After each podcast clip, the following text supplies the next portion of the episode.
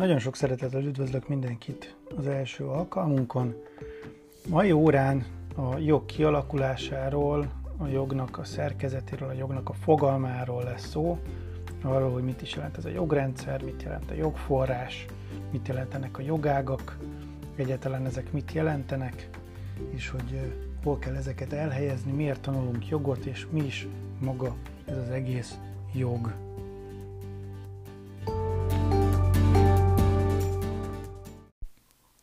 Nos, akkor kezdjük is azzal, hogy mi is az a jog, hogyan alakult ki, és mi ennek a célja. A jog, mint olyan, az egy olyan magatartás szabályok összessége, ami tulajdonképpen azt fejezi ki, hogy mit várunk el egy adott társadalmon belül egy adott szemétől. Az egész jog az egy társadalmi szükségletet fejez ki, és tulajdonképpen egyfajta konfliktus rendezési módszer az egész. A jogi szabályozás célja ugye mások magatartásának valamilyenféle befolyásolása, de ez ugye univerzálisan érvényes, tehát egy adott társadalmon belül mindenkire vonatkozik. Ez egy olyan ideológia, amely koronként, társadalmi berendezkedésenként eltérő lehet, és ezért nem is beszélhetünk ugye egységes univerzális jogról, mert valamilyen szinten az egész világon ez minden társadalomban mást és mást jelent.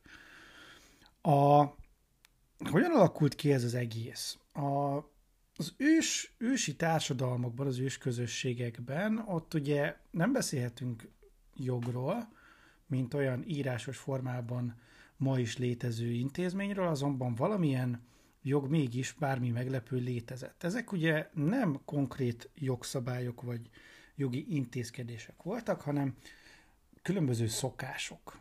Ugye meg volt határozva, hogy most adott esetben mit szabad és mit nem az adott közösségen belül.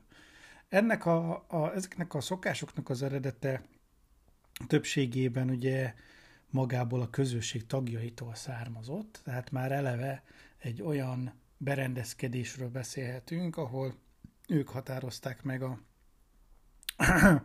furcsán mondva saját jogrendszerüket, de ezekben a, az ős közösségekben azért kialakultak olyan szokás jogok, vagy olyan szokások, amit később már szokásjognak is lehet esetleg nevezni, ami arra vonatkozott, hogy nem tudom, kinek kell elmenni ö, vadászni, ki az, aki ott marad és vigyáz a tűzre, kinek kell tűzifát gyűjteni, kinek milyen tulajdonai vannak, amikhez a másik nem nyúlhat, és a többi, és a többi. Ezek mind-mind olyan Kvázi ma már, ugye hát a tulajdonjog, mint olyan, az ma már egy nagyon részletesen szabályozott jogterület, de ezek ugye kezdetlegesen még már akkor is megjelentek tulajdonképpen az emberi együttélésből eredően. Az ókorban ugye a legnagyobb és leghatás, a mai napig is legnagyobb hatást kifejtő terület ezen a téren ugye a Róma, római jog rendszere, de már nyilván korábban is megjelentek olyan jogi emlékek, mondjuk Hammurapi törvényoszlopa, amikről már beszélhetünk, mint, mint létező írásos jogforrásokról. Ezeket nagy valószínűséggel sokan tanulták már gimnáziumban is, csak akkor még nem feltétlen fogták föl ennek a, a jelentőségét, pedig hatalmas jelentősége van, hogy már akkor létrehoztak ilyen, ilyen fajta jogforrásokat. A római jog, mint olyan, az, a, az a, az egyik legfontosabb, mondanám a legfontosabb ókori jogforrásnak, vagy ókori jogrendszernek, de tulajdonképpen talán nevezhető az egész ö, világon a legfontosabb ö, jog, jogrendszernek, hiszen már Rómában már egy olyan komplex jogrendszert hoztak létre, olyan komplex jogforrási rendszert, olyan komplex jogszabályokat hoztak létre, amelynek ma is hatalmas jelentősége van. Nagyon sok jogintézmény a mai napig ugyanúgy létezik, ahogy azt a római korban megalkották. Nyilván a legtöbb jogszabály már változott azóta, meg ugye komplexebbnek kellett lennie, de az alapintézmények, az alapterületeket már akkor nagyon jól ki tudták jelölni, és ehhez nagyon értettek, és ez nem lehet hangsúlyozni, hogy ez mennyire, mennyire elképesztő módon már akkor leszabályozta a, tulajdonképpen az egész életet, a római polgár, életét a római polgároknak.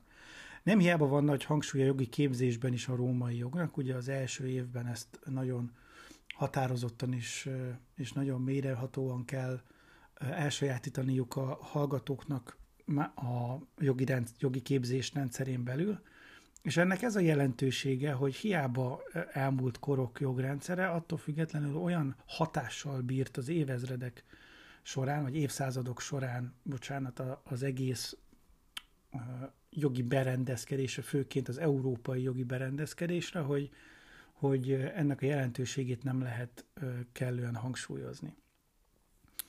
A középkorban a, az élet szabályozási rendszerét inkább a vallás vette át.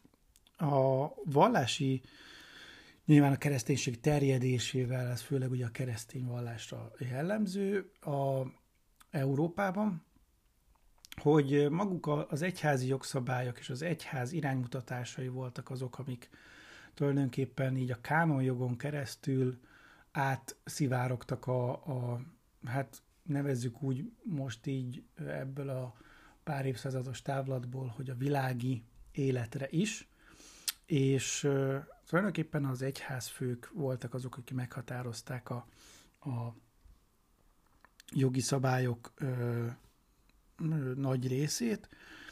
Persze emellett ugye a, a, az abszolútista berendezkedés, ugye a, a királyságok korább éljük ekkor még, és ott nyilván az államfő az a király volt maga, aki meghatározta a különböző ma közigazgatásinak nevezzük jogszabályokat vagy rendelkezéseket, és ez a kettős rendszer volt az, ami meghatározó volt ebben a korban. Aztán ugye jött a felvilágosodás, ami a jogra is hatalmas hatással volt, és látványos fejlődésnek indult a, a, a jogrendszer. Ugye leszámoltak, legalábbis ugye szimbolikus értelemben a, az abszolútista királyi ö, uralommal, és az emberekben megjelent az az igény, hogy inkább a általuk alkotta jogon ö,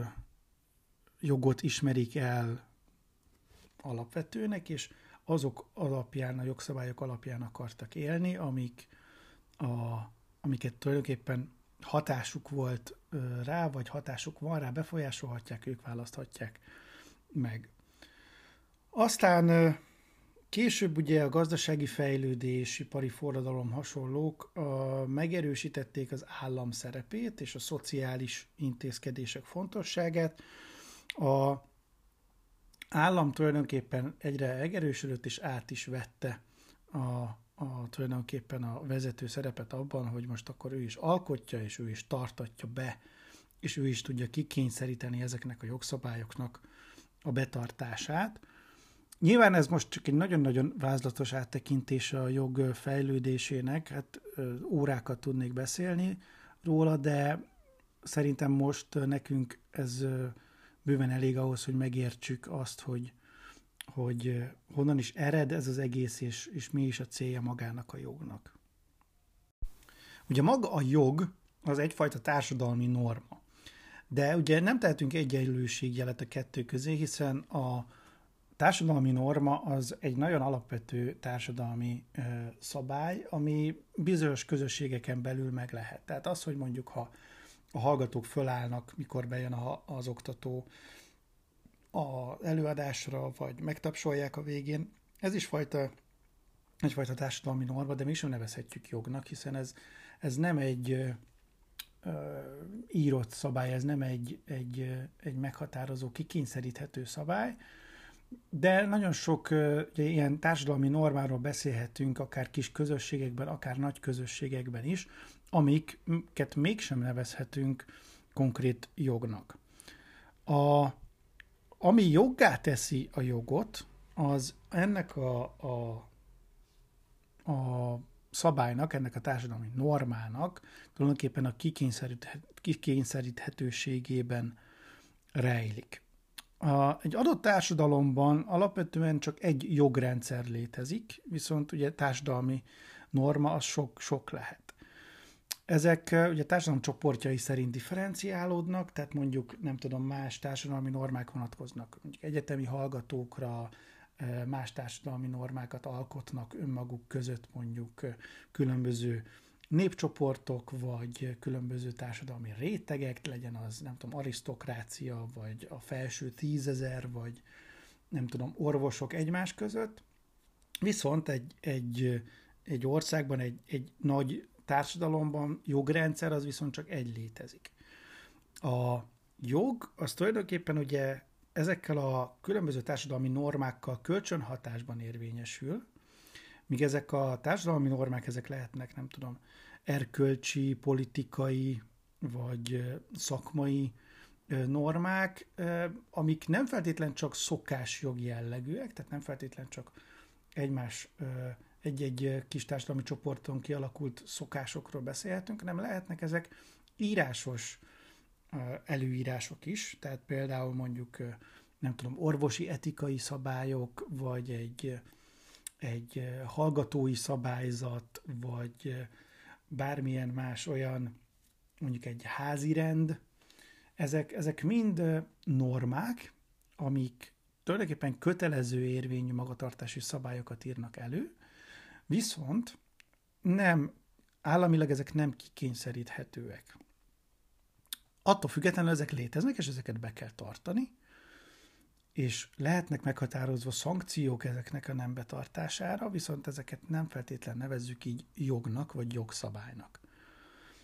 A jogállamban ugye a jogszabályok határozzák meg, hogy mit tehet mindenki. Ez ugyanúgy érvényes az államra is, aki megalkotja ezt, és ugyanúgy érvényes magára a társadalomra, magára az emberi csoportokra, állampolgárokra, állami szervekre, mindenkire. Tehát magára, maga a jog, vagy a jogrendszer, a jogszabályok, azok mindenkire nézve kötelezőek, és ezeket az államnak is ugyanúgy be kell tartania.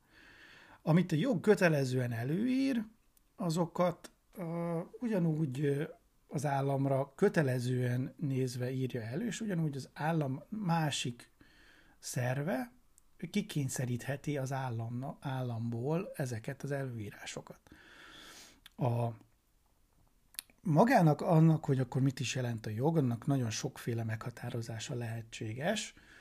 A jogi egyetemen több fél éven át foglalkozhatunk csak ezzel a kérdéssel, hogy mi is a jog maga. Itt most nyilván erre nincs is lehetőségünk, meg nincs is nagyon célunk, mert nem is célunk, hogy itt ilyen mélyreható jogelméleti tudást adjunk át, hanem próbálunk egy, egy leegyszerűsítő meghatározását adni a jognak. Ez pedig így hangzik. A jog olyan magatartási szabályok és előírások összessége, amelyeknek keletkezése állami szervekhez kötődik, az adott társadalomban általánosan kötelező, érvényesülését az állami szervek végső soron kényszerrel biztosítják. Tehát a jog az olyan magatartási szabályok vagy eljárások összessége, melyeknek a keletkezés az állami szervekhez kötődik, tehát maga az állam alkotja meg ezeket a jogszabályokat. Az adott társadalomban általánosan kötelező, tehát nem csak egy nagyon pici és szűken meghatározott csoportra kötelező, az érvényesítését pedig az állami szervek ki tudják kényszeríteni. A jog tehát tulajdonképpen egy olyan szabályozás, ami általános, kötelező és alapvető szabályokat fogalmaz meg. A, az, hogy normákkal szabályoz, az most lehet, hogy önöknek olyan sokat nem jelent, de ezért érdemes megtanulni, hogy ezért normatív szabályozás, mert normákkal szabályoz, tehát egy meghatározott formájú, meghatározott rendszerű szabályokat alkot, jog az jellemzően mindig tükrözi az adott társadalom gazdasági, társadalmi vagy politikai viszonyait, tehát nem egy állandó dolog, hanem ez folyamatosan változik. A, változhat ez politikai irányok mentén, változhat ez társadalmi változások mentén is. Ugye manapság nagyon sok ilyet lehet ö, olvasni, hogy milyen ö, felfogásbeli különbségek létezhetnek koronként, és hogy ami az adott korban, nem tudom, még akár 50 évvel ezelőtt is elfogadható volt, az a mai korban már nem az. És ez egy egész társadalmi ö, leképezést is eredményez, aminek az eredménye az az, hogy ez bejuthat magába a jogrendszerbe is, tehát a jognak is reagálnia kell ezekre a társadalmi politikai változásokra, vagy gazdasági változásokra, és erre vonatkozóan új jogszabályok születnek, és új jogszabályokat alkotnak. A magában a jogban főként ugye végső soron az állam akarata jelenik meg, viszont mivel egy demokratikus rendszerben élünk itt Európán belül, ezért ugye a, a népszuverenitás elvéből következően az állam akarata végső soron visszaegyeztethető, vagy visszavezethető, bocsánat, magára a nép akaratára is. Tehát maga a jog az tulajdonképpen az állam ö, akarata, amire a megbízást azt tulajdonképpen a néptől kapja, de erről majd fogunk beszélni később bővebben is. A, attól függetlenül, hogy a nép akarata végső soron, az, a, az nem jelenti azt, hogy mindenkinek az érdekét tükrözi. A jog az mindig differenciált. A jognak mindig a társadalom összérdekét kell előtérbe helyeznie, nem pedig az egyéni érdekeket, és ezért lehet, hogy bizonyos emberekkel nézve nem azonosul az ő akaratával egy adott jogszabály, viszont az biztos, az biztos, vagy hát nem biztos, de jó esetben a társadalom egészére nézve biztos, hogy hasznosak ezek a jogszabályok. A jog maga, ugye, ahogy beszéltünk róla, az kikényszeríthető, és ez a kikényszerítés, ez ugye magán az állam feladata, és ez is egy fontos dolog, hogy magának a jognak a kikényszerítése az csak is az állam feladata lehet. Tehát attól, hogy mondjuk nem tudom, a, egy bizonyos jogszabály engem feljogosít valamire, ha én azt önmagamtól megteszem, az önbíráskodás lesz, és ez ugyanúgy jogellenes. Tehát a kikényszerítést azt mindig az államra bízzuk, és ezért van az, hogy ugye a korábbi, amiről beszéltem korábban, a, a kisebb társadalmakban kialakuló szokásjogot, vagy szokásokat ö, a, már átalakítottuk joggá, és elértük azt a fejlődési pontot, hogy már nem mi akarjuk kikényszeríteni ezeket, hanem rábízzuk egy közösen választott ö, intézményre, ami végső soron maga az állam. A jogi normák azok jogrendszert alkotnak. A jogrendszer az egy időben és talán egy térben hatályos jogi normák összességét jelenti, ami azért rendszer, mert nem csupán egy puszta halmaza és puszta leírása és, és felsorolása az adott időben vagy helyen hatályos jogi normáknak, hanem egy a különböző jogi normákat egységében kezelve, és azokat összefüggésbe és rendszerbe hozva alkalmazzuk. Tehát maguk a különböző jogi társadalmi normák, azok egy ilyen egységet alkotnak ezek rendszer, e, e, ebben a jogrendszerben, és a, egy adott állam érvényes jogi normáinak és az ahhoz kapcsolódó egyéb jogi előírásainak az összessége. Fontos tehát, hogy a jogrendszer maga az nem csupán jogi normákból áll, hanem a jog ö, egyéb formáinak, tehát jogelveknek, vagy célmeghatározásoknak, adott esetben akár szokásjognak is a, az összességét jelenti.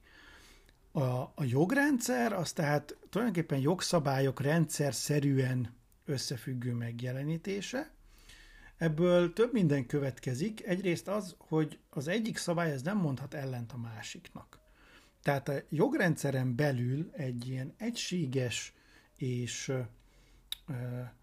hogy is mondjam, nyilván logikus felépítésnek kell lennie, és ebből az is fakad, hogy a különböző jogi normák, azok összhatásukban ne, ne fejtsenek ki ellentétes hatásokat, és ne legyenek ellentétesek egymással.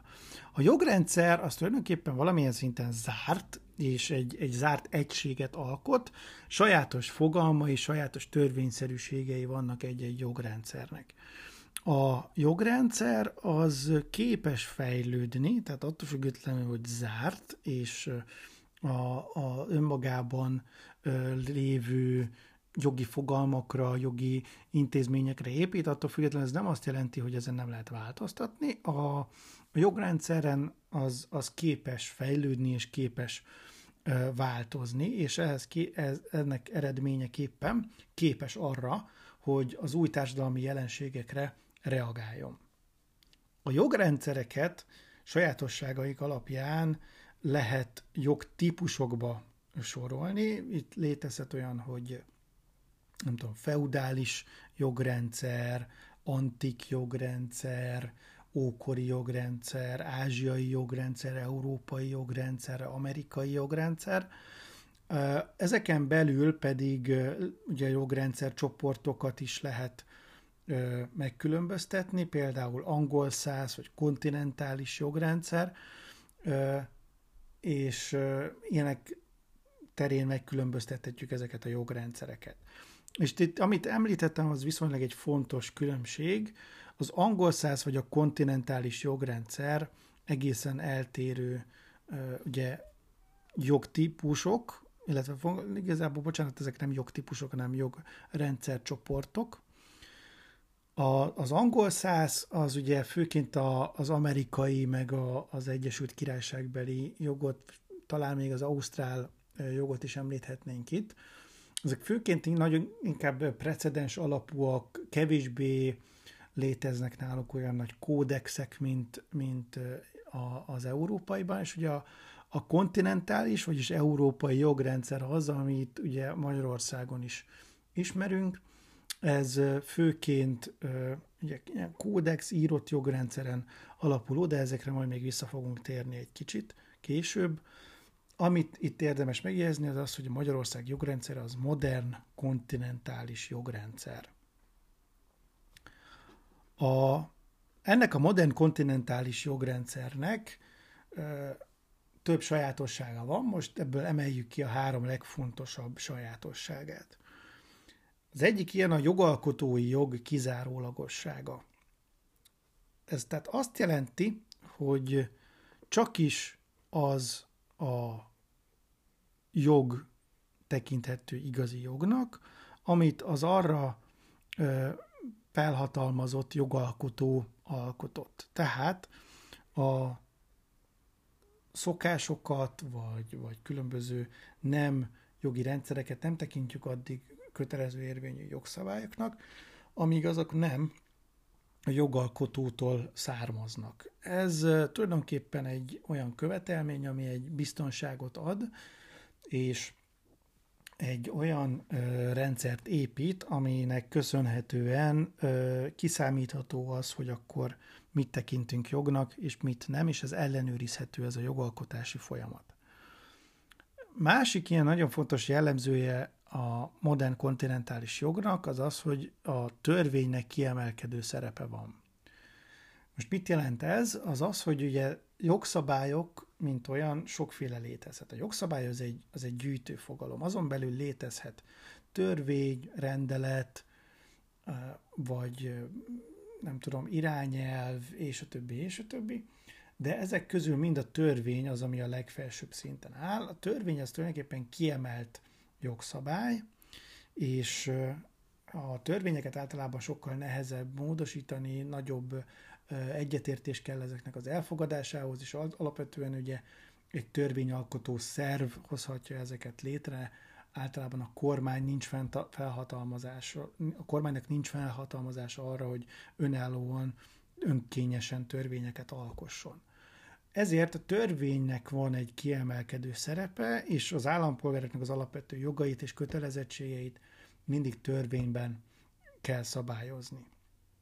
A harmadik ilyen fontos sajátossága a, a modern kontinentális jogrendszernek az az, hogy a jogforrásokon belül ugye hierarchia létezik, tehát van egy jogforrási hierarchia, ami kapcsolódik az előző ponthoz is, ugye, hogy vannak törvények, azok alatt helyezkednek el a rendeletek, tehát van egy értékrend a különböző jogszabályokon belül, és ezek hát nem aláfölé rendeltségi viszonyban vannak, de valami ahhoz hasonlóban. A jogrendszereken belül pedig megkülönböztetünk még jogágakat is. A jogágak azok uh, tulajdonképpen a jogrendszeren belül egy elkülönült részek, amik a jogszabályokból állnak, tehát a jogi normáknak egy bizonyos elkülönült része, amik uh, tulajdonképpen egy ilyen csoportosítása a, a hasonló tartalommal, formával, hasonló témákat szabályozó jogi normáknak, amelyek tehát hasonló tartalommal, hasonló magatartásokat, hasonló módszerrel szabályoznak. Ezek a jogágak tulajdonképpen a jogrendszernek alapelemei, tehát ezekből a jogágakból ö, alkotjuk meg, vagy jön létre maga a jogrendszer. Hogyan csoportosíthatjuk ezeket a jogágakat? A csoportosításnak lehet többféle formája, tehát most megbeszélünk olyan csoportosítási módszereket, amik alapján szétágazhatjuk a különböző jogágakat, aztán utána meg beszélünk arról, hogy mik is ezek a konkrét jogágak. A, egyrészt megkülönböztethetjük a jogágakat, vagyis csoportosíthatjuk az alapján, hogy mi a tárgy és a címzetje a, egy adott jogágnak, vagyis, hogy a jogágak mire, kire vonatkoznak a jogrendszeren belül. Ennek a fajta csoportosításnak a két legalapvetőbb ága, vagy két legalap, ezek nem jogágak, hanem a csoportosításnak két, hogy ne ágat mondjak, hogy másik fogalommal mondjam, a két csoportja mondjuk, a közjog és a magánjog. A közjog az tulajdonképpen a állami szerveknek és a közhatalom viszonyát ö, ö, határozza meg. A magánjog azok, az pedig főleg inkább a személyek egymáshoz kapcsolódó vagyoni vagy személyi viszonyait szabályozzák. Ez egy nagyon fontos elhatárolás, a közjog és a magánjog, mert nagyon sok minden visszavezethető erre a két csoportosításra. A közjog az tulajdonképpen a közhatalom kiépítésére, az államszervezet felépítésére, működtetésére vonatkozó szabályokat, valamint az állam és az egyén kapcsolatrendszerét határozza meg, és itt a közjogi viszonyokban az alá és fölé rendeltség az a meghatározó, melyben általában a fölérendeltségi helyzetben a közhatalom gyakorlója áll, vagyis tulajdonképpen az államnak valamilyen szerve. A, ki általában a, a, ugye a közjogi viszonyokban a közhatalom gyakorlója valamilyen többlet jogokkal is rendelkezik az alárendelt pozícióban lévő személlyel szemben. Ugye parancsolhat neki előírásokat, írhat elő neki, ezeket ellenőrizheti, hogyha nem tartja be ezeket az előírásokat, akkor szankciókat szabhat ki a ugye az alárendelt helyzetben lévő személyekre. Mindemellett ugye a közjogi jogviszonyok, vagy a közjogi ö, jogszabályok, vagy közjogi viszonyok, azok általában a kötelezettek akaratától független. Tehát mondjuk az alárendeltségi viszonyban lévő személy ugye nem dönthet arról, hogy ő most milyen adókat szeretne befizetni, hanem azt általában a, ugye a közjogi viszonyokban a közhatalom gyakorlója dönti el, és ő, ő szabja ki. A, ezért a közjogban általában a közérdek kerül előtérben, tehát Itt inkább olyan szabályokról van szó, ami a közérdeket az egyéni érdekek fölé helyezi, és mint ilyenek, ezért azért, hogy ezt betartsák, vagy betartassák, ezek általában kógens szabályok. Mit jelent az, hogy valami kógens szabály? Az az, hogy kötelező jelleg, alkalmazásuktól nem lehet eltekinteni. Tehát a közjogi szabályokat általában kógenseknek mondjuk, és ezek mindenkire kötelező érvényel ugyanúgy érvényesek, viszont ugye itt egy aláfölé rendeltségi viszonyban nyilván a közhatalom gyakorlója fogja ezt kiszabni. A közjog az általában ide tartozik a, az alkotmányjog, a közigazgatási jog, büntetőjog a legfőképpen, de ezekről a külön egyes jogágakról mindenképpen beszélünk még nem soká. A magájog, ugye ezzel szemben, az nem egy alá-fölé rendelt viszony, hanem általában egy a felek, tehát a magájogi viszonyokra a felek egyenjogúsága jellemző, tehát nem egy vertikális viszony, hanem egy horizontális viszony a jellemző.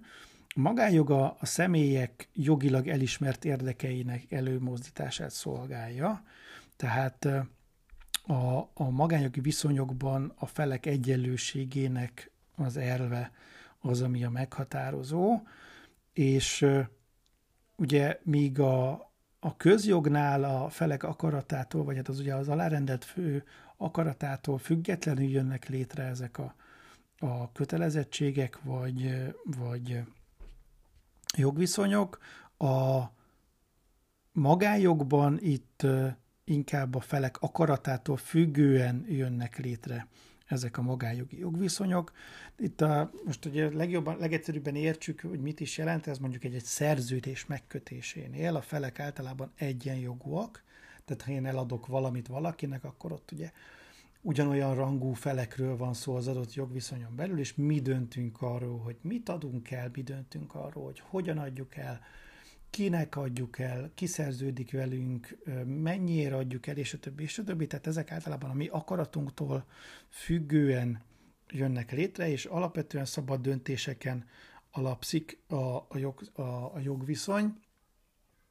Persze lehet olyan, hogy jogszabály előírhat szerződéskötési kötelezettségeket, vagy a bíróság is kötelezhet valakit magájogi jogviszonyok létrehozására vagy módosítására, de főszabályként a, a a felek döntésétől függ minden, és általában a feleknek a, az érdekei állnak inkább ö, a középpontban, nem pedig a közjó érdeke, hanem a magájognak az egy, az egy olyan sajátossága, ahol a felek egyenrangúságából adódóan inkább az ő jogaik azok, amik, amik a jogviszonyon belül érvényesülnek, és míg ugye szemben a, a közjogokkal, ahol ugye a kogens szabályok érvényesülnek, inkább a magájogban a diszpozitivitása jellemző, azaz a felek a közös akarattal eltérhetnek a legtöbb erre vonatkozó jogszabálytól. Tehát a szerződésre vonatkozóan vannak bizonyos jogszabályok. Minden szerződésre van valamilyen típusú vagy valamilyen mennyiségi jogszabály. Ezeknek egy része kógens, de kicsi része kógens, míg a nagyobb része inkább diszpozitív jellegű, azaz a felek eltérhetnek, és a jogszabályok csak bizonyos alapgaranciákat fogalmaznak meg, tehát mi dönthetünk a, a szerződésnek bizonyos részeiről, hogy azt hogyan szeretnénk meghatározni. A magájognak alapvetően a polgári jog a, a fő területe, fő jogága, de ide tartozhat még a munkajog, nemzetközi magájog vagy a családi jog is. A jogákakat emellett pedig csoportosíthatjuk a szabályozás tartalma és módszere szerint is, tehát hogy miket tartalmaznak ezek a, a jogszabályok, és milyen módszert alkalmaznak. Itt pedig a két fő különbség az alaki és az anyagi jog. Tehát anyagi jog és alaki jog. Az anyagi jog azok, azoknak a jogszabályoknak az összessége, amelyek ma, magát a jogviszonyt az tartalmira rendezik, tehát mondjuk egy gazdasági társaságokról szóló törvény az meghatározza a jogokat és a kötelezettségeket, amelyek a gazdasági társaságokhoz kapcsolódó magatartásokban be kell tartani. Az alaki jog az viszont ezeknek a, a anyagi jog által meghatározott jogszabályoknak az eljárási rendjét határozza meg. Tehát meghatározza azt, hogy a, a jogalanyok, tehát maguk az emberek, akik szabályozottak az adott jog terület által, a jogaikat milyen eljárási rend keretében érvényesíthetik, tehát a feleket és az eljárásban résztvevő mondjuk állami szerveket milyen jogok és kötelezettségek illetik és terhelik. Tehát maradva egy példánál, az, hogy mondjuk a, egy adott jogszabályban meg van határozva az, hogy a házam mekkora lehet egy adott településen belül, utána azt, hogy én ezt hogyan érvényesítem, kihez kell fordulnom, hány napom van benyújtani észrevételeket, hány napom van arra, hogy erre választ kapjak, milyen idő keretben kell ezt elképzelni, hogyan élhetek én a jogaimmal, mit tehet a másik fél, és a többi, és a többi. Ez már alaki jogi jogszabálynak minősül, tehát általában inkább ezek ilyen eljárásrendi szabályok.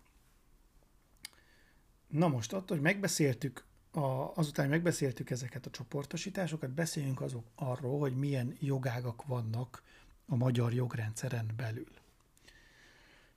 A első és talán legfontosabb jogág az az alkotmányjog. Az alkotmányjog az tulajdonképpen az államhatalom gyakorlásának a jogi rendjét szabályozza, és meghatározza tulajdonképpen a társadalmi berendezkedés alapjait, az állami berendezkedés alapjait, valamint az állampolgárok és az állam legfontosabb viszonyain, viszonya, viszonyainak az alapjait. Az alkotmányok ö, alapvetően ö, ugye közjog, arról beszéltünk is, tehát ez egy eleve egy közjogi jellegű ö, jogág, és főként anyagi jogi jogszabályokat ö, tartalmaz, tehát főként meghatározza a, ezeknek a jogszabályok, vagy ezeknek a jogviszonyoknak a tartalmát. A legfontosabb forrása az alkotmányoknak nyilván az alkotmány lehet, amit ugye mi alaptörvénynek hívunk.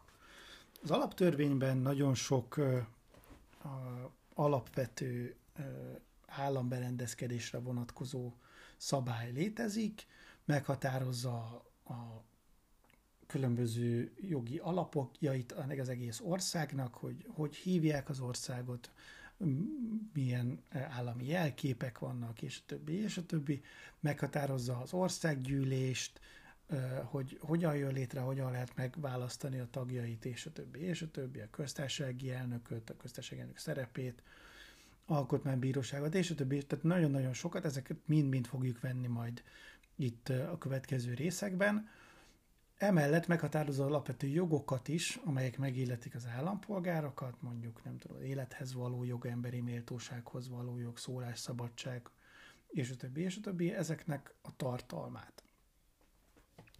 A közigazgatási jog a második ilyen jogág, a közigazgatási szervek tevékenységéhez kapcsolódhat, tehát ezek magának az állami hatalomnak megtestesítő szervei, nem tudom, mondjuk a NAV, meg mondjuk a rendőrség, vagy a, az önkormányzati szervek, vagy ö, minisztériumok, tehát egy közigazgatási szerveknek a viszonyait, működését ö, szabályozza. Ez egyaránt jelent, ö, ö, tehát ez is ugye közjogi ö, jogág, és egyaránt van benne ö, kellő, vagy szép számmal anyagi és alaki jogi szabály is, tehát meghatározza nagyon sok jogszabály magát a közigazgatási jogviszonyoknak a tartalmát is, és ennek a, mond a dinamikáját is, hogy akkor ez hogyan érvényesül, hogyan érvényesíthető. A következő fontos jogágunk az a büntetőjog. A büntetőjog az meghatározza azoknak a, a cselekményeknek a körét, amit az állam állami hatalommal büntetendőnek minősít. Tehát azok a, a, a társadalmi normákat foglalja jogszabályba, amelyeknek a megvalósítása az a ugye közérdeket sértené, ugye azt most jól kell érteni, tehát nem minden bűncselekmény közérdekhez kötődik, de az állam az mindenféleképpen valamilyen okból kifolyólag büntetendőnek határozza meg ezeket a cselekményeket.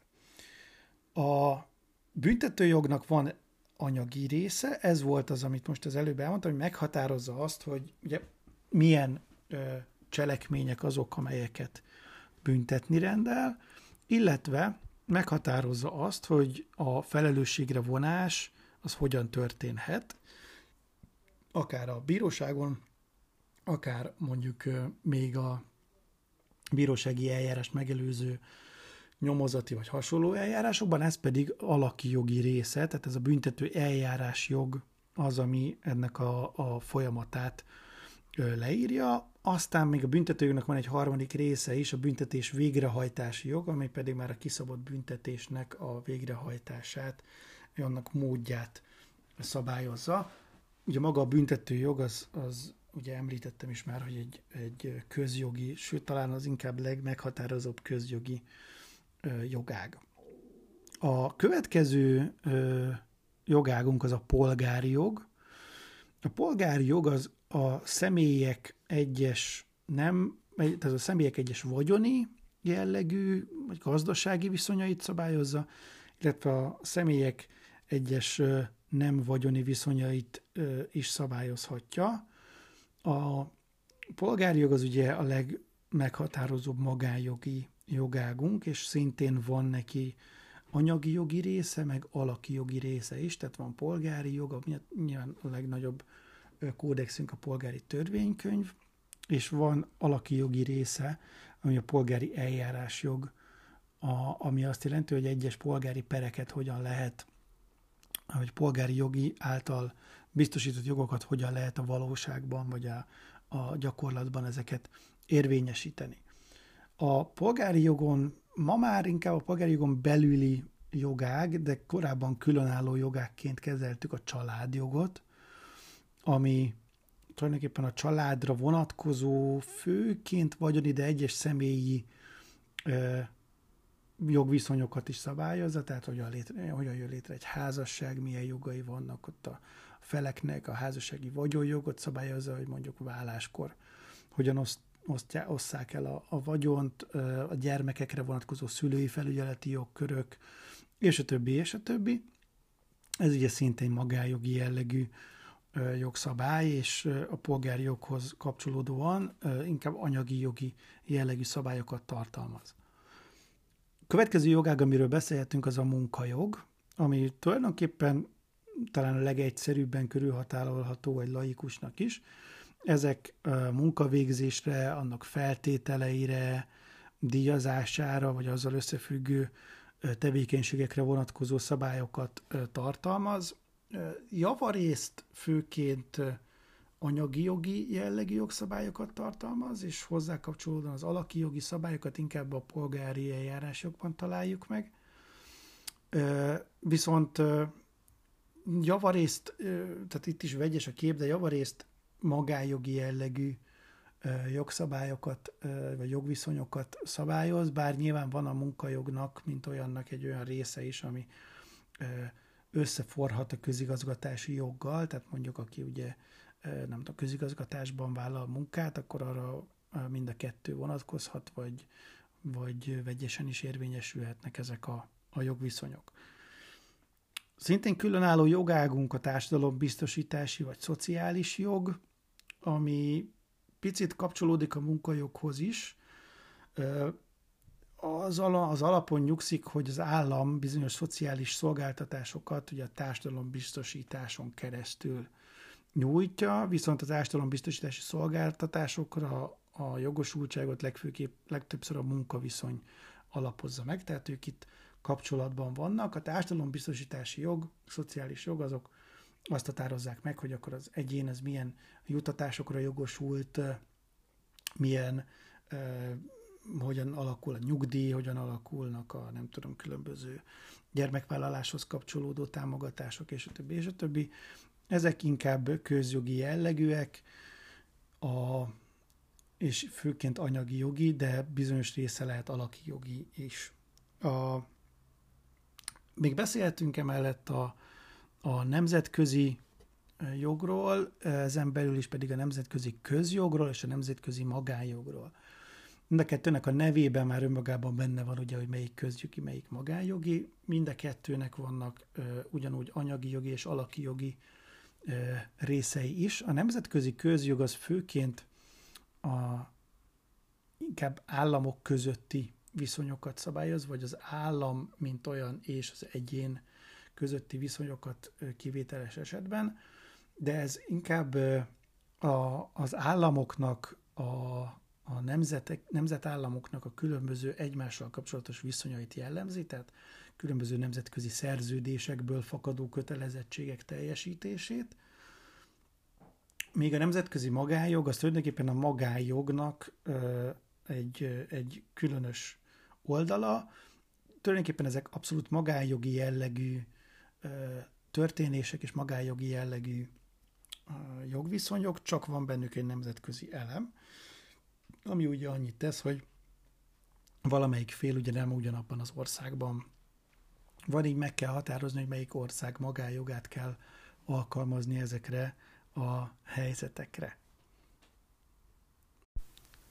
Arról még viszont nem beszéltünk, hogy mi is ez a jogviszony. A jogviszony, mint fogalom, az nagyon sokszor előkerült már eddig, de még nem határoztuk meg, hogy tulajdonképpen ez mit is jelent. A jogviszony az nagyon egyszerűen megfogalmazva jogilag szabályozott társadalmi viszony. Ez annyit akar, hogy társadalmi viszonyok azok fennállnak nagyon sokaink között, nagyon sok ember között, viszont az maga, hogy ez az adott jogviszony, vagy adott viszony jogviszony-e, az attól függ, hogy erre a, a kapcsolatra vonatkozik-e valamilyen jogi szabályozás.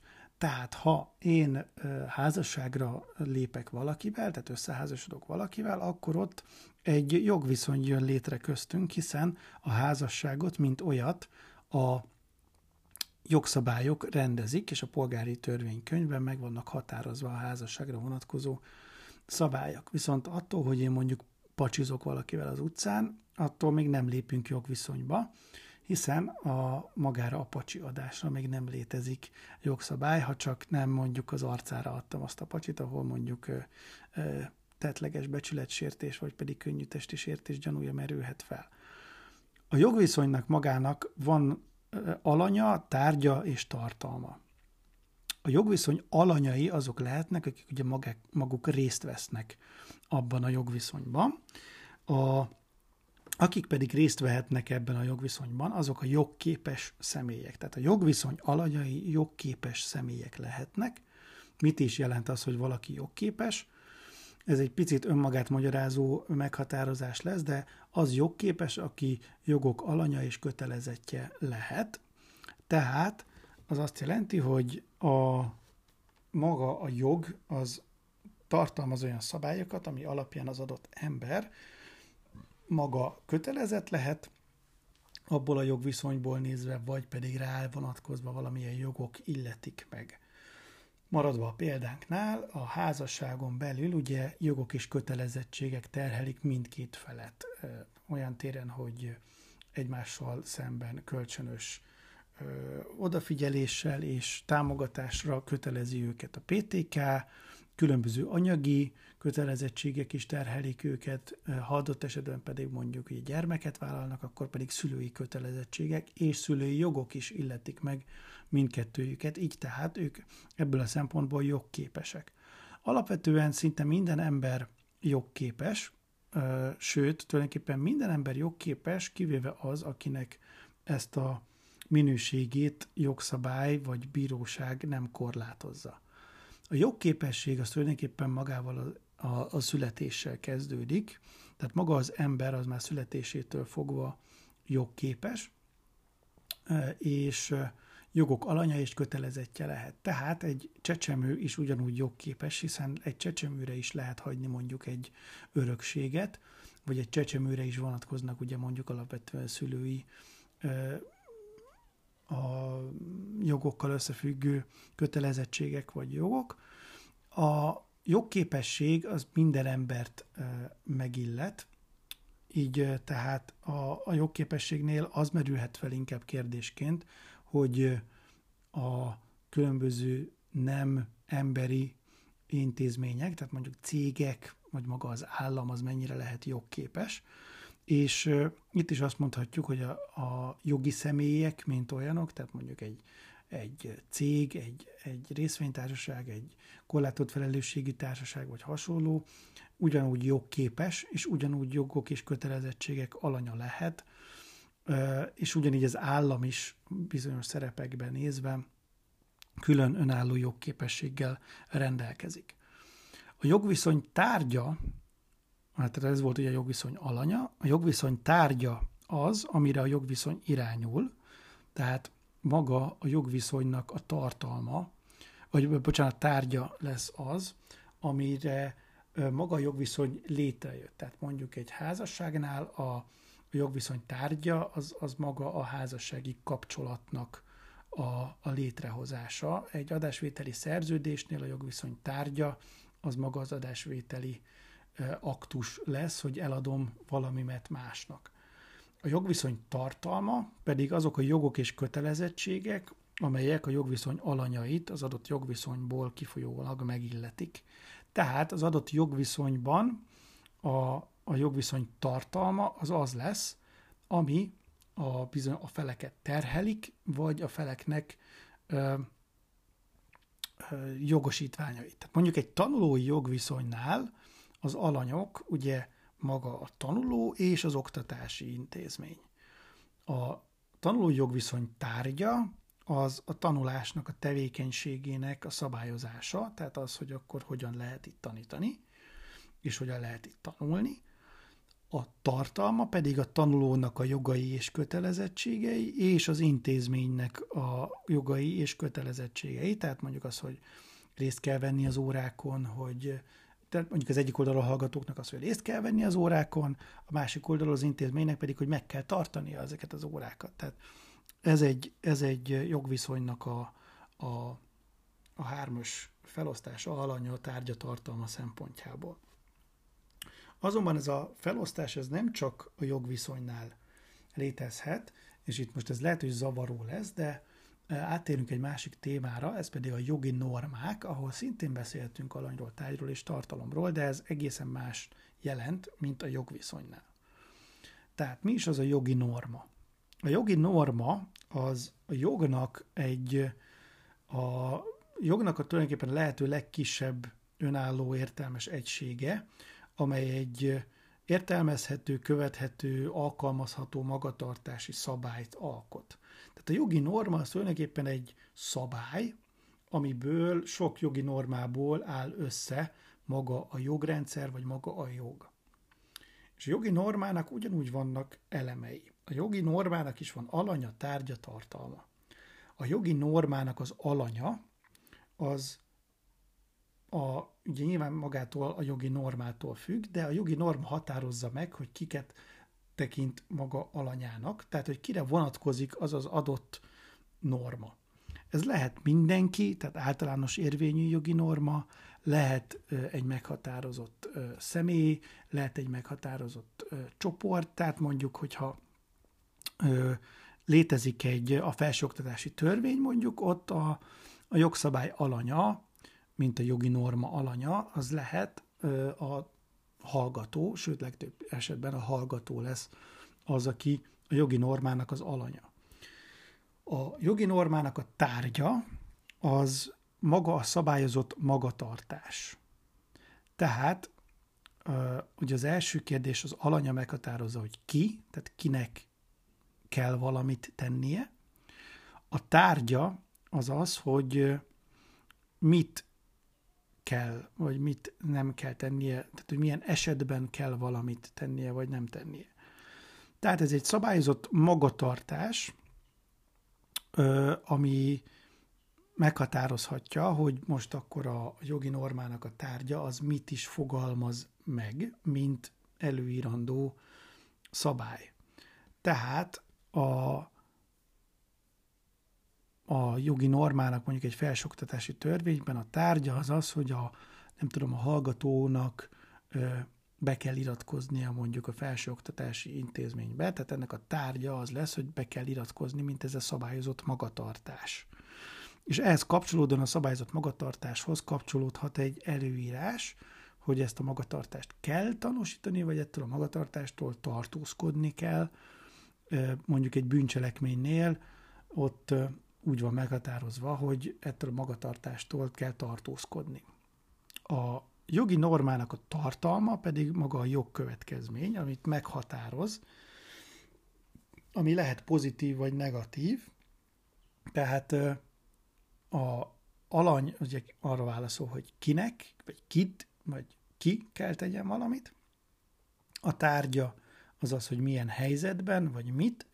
A tartalma pedig azt határozza meg, hogy mi ennek a következménye, tehát mi a jogkövetkezmény, hogy most tehát például nem tudom, ha valaki jelentkezik pályázati támogatásra, akkor kaphat pályázati pénzt, és akkor ez egy pozitív jogkövetkezmény. De lehet negatív jogkövetkezmény, aki, aki mást megöl, az ugye bűncselekményt követ el, és 5 15 évig terjedő szabadságvesztéssel büntethető.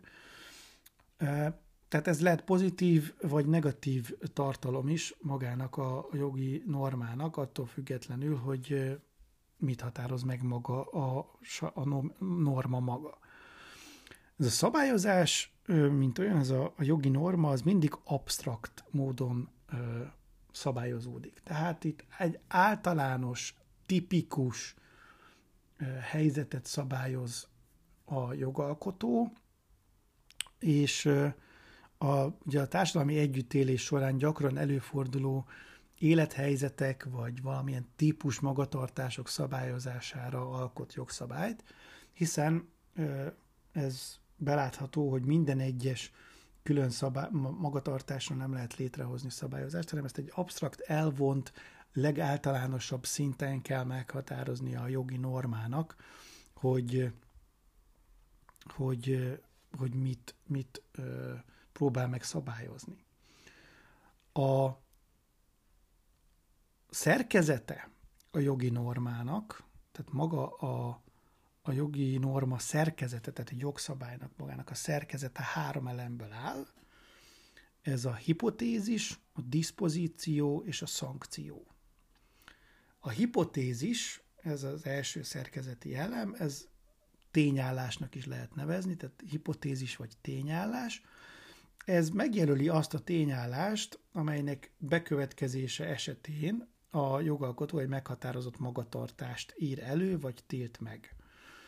Itt a magatartás pontos meghatározása nagyon fontos, hogy meg lehessen egyszerűen határozni, hogy, hogy milyen magatartásról beszélhetünk, tehát mi az a tényállás, aminek a fennállása esetén ez a jogi norma egyáltalán szóba jöhet. És példánál maradva, hogyha azt mondjuk, hogy aki mást megöl, az egy egészen pontos meghatározás, hogy aki másik embernek elveszi az életét, tehát aki mást megöl, arra, erre ez a, ez a helyzet, ez a tényállás, ez a hipotézis az, amire ö, kapcsolódóan szabályt állít föl ez a norma.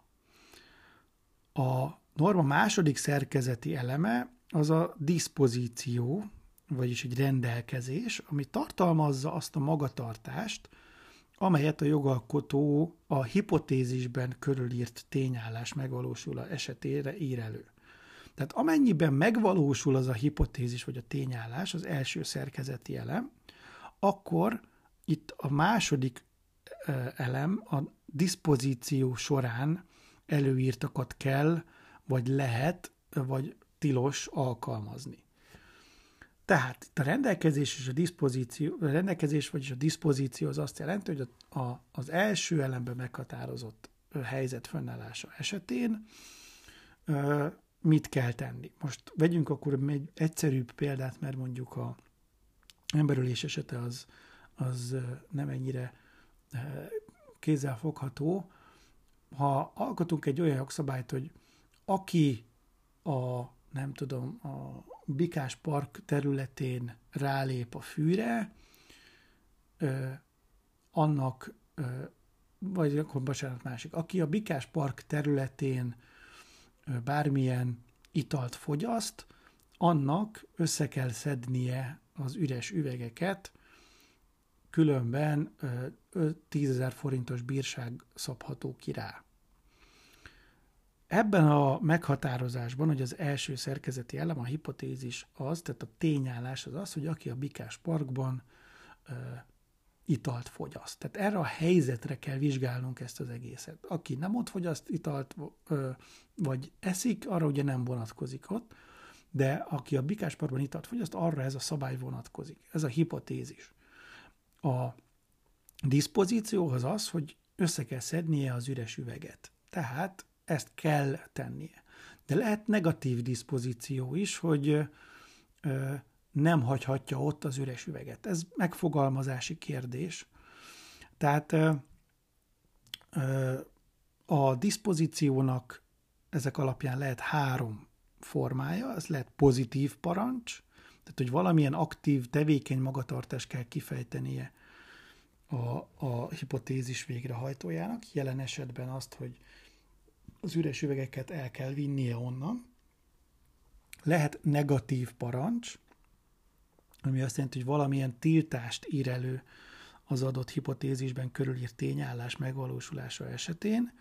Tehát ha úgy fogalmaz mondjuk a jogszabály, hogy aki a bikesportban italt fogyaszt, az nem hagyhatja ott az üres üveget, akkor ez már egy negatív diszpozíció.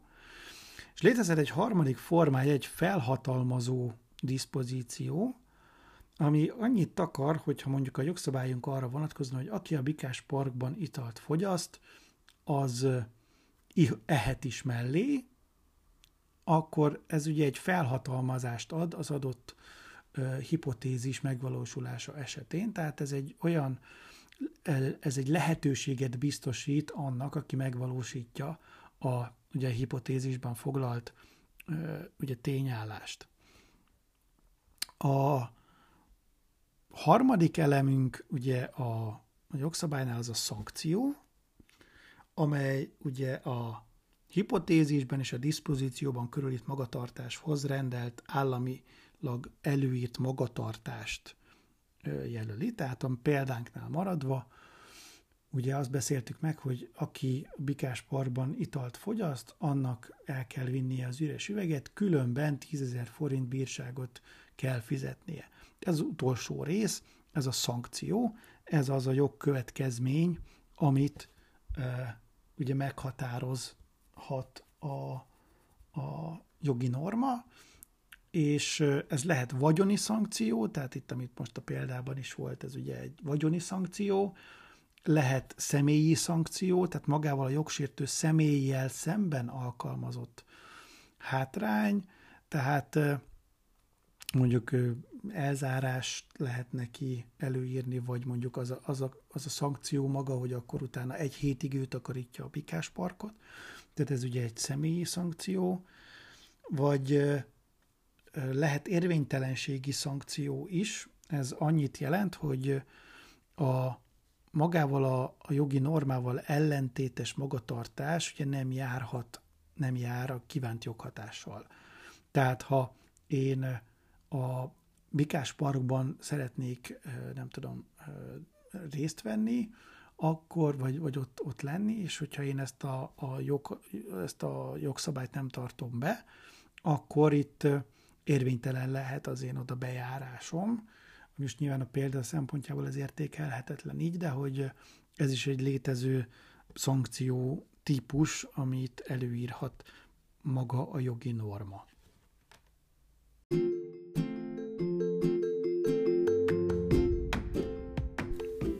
Most itt végezetül pedig akkor ismételjük át újra, ami a, a epizódnak a címe is, hogy mi is az a jog, mert hogy ez tulajdonképpen a legfontosabb része. A jog az tulajdonképpen a személyek viselkedésére vonatkozó, az állam által alkotott, vagy legalábbis az állam által elismert, és az állam által végső soron kikényszerített kötelező magatartási szabályok összessége. Ez tehát a jog, és erről fogunk még itt beszélni sok-sok részen át, de ma ennyi volt, amit el szerettem volna mondani, és akkor jövő héten újra találkozunk. thank you